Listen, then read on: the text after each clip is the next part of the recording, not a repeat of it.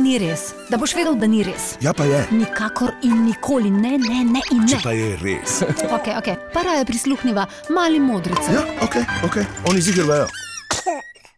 Kaj mi znate vi povedati o gobah? Da ene so strupene, ene so pa prijazne. Ja, recimo, znamo našteti kakšno stropeno gobo. Ja. Ne. Mm, Ko sem bila gordo, slala sem, mi- mi je mami nasla veliko sepenih gopati, mi je eno veliko sepeno gobo. Takšna strupenem gomba se reče mušnica.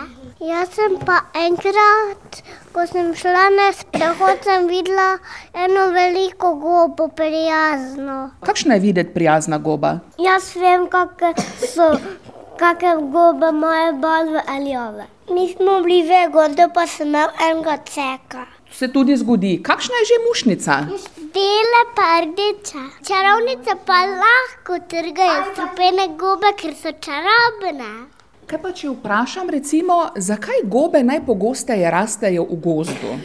Zato, ker jim je tam lepše, ker tam jih sadijo. Tiste, ko niso strupene, jih lahko nabiramo. In potem z, z njimi naredimo kaj? Pečemo, pa pojemo, pa postane taka neka piča. Mi smo že imeli gobe na pici. Pa mi, pa mi. Kaj se lahko še iz gob pripravi? Juha, Ja, kaj je še vse v gobovi juhi?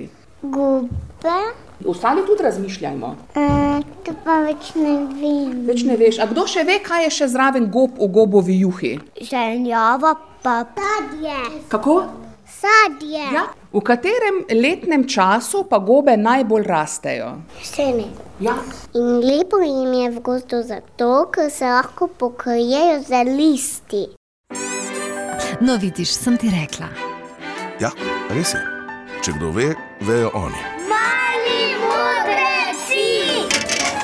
Kaj bo to na radiju ali kaj? Ja, na radiju Maribor.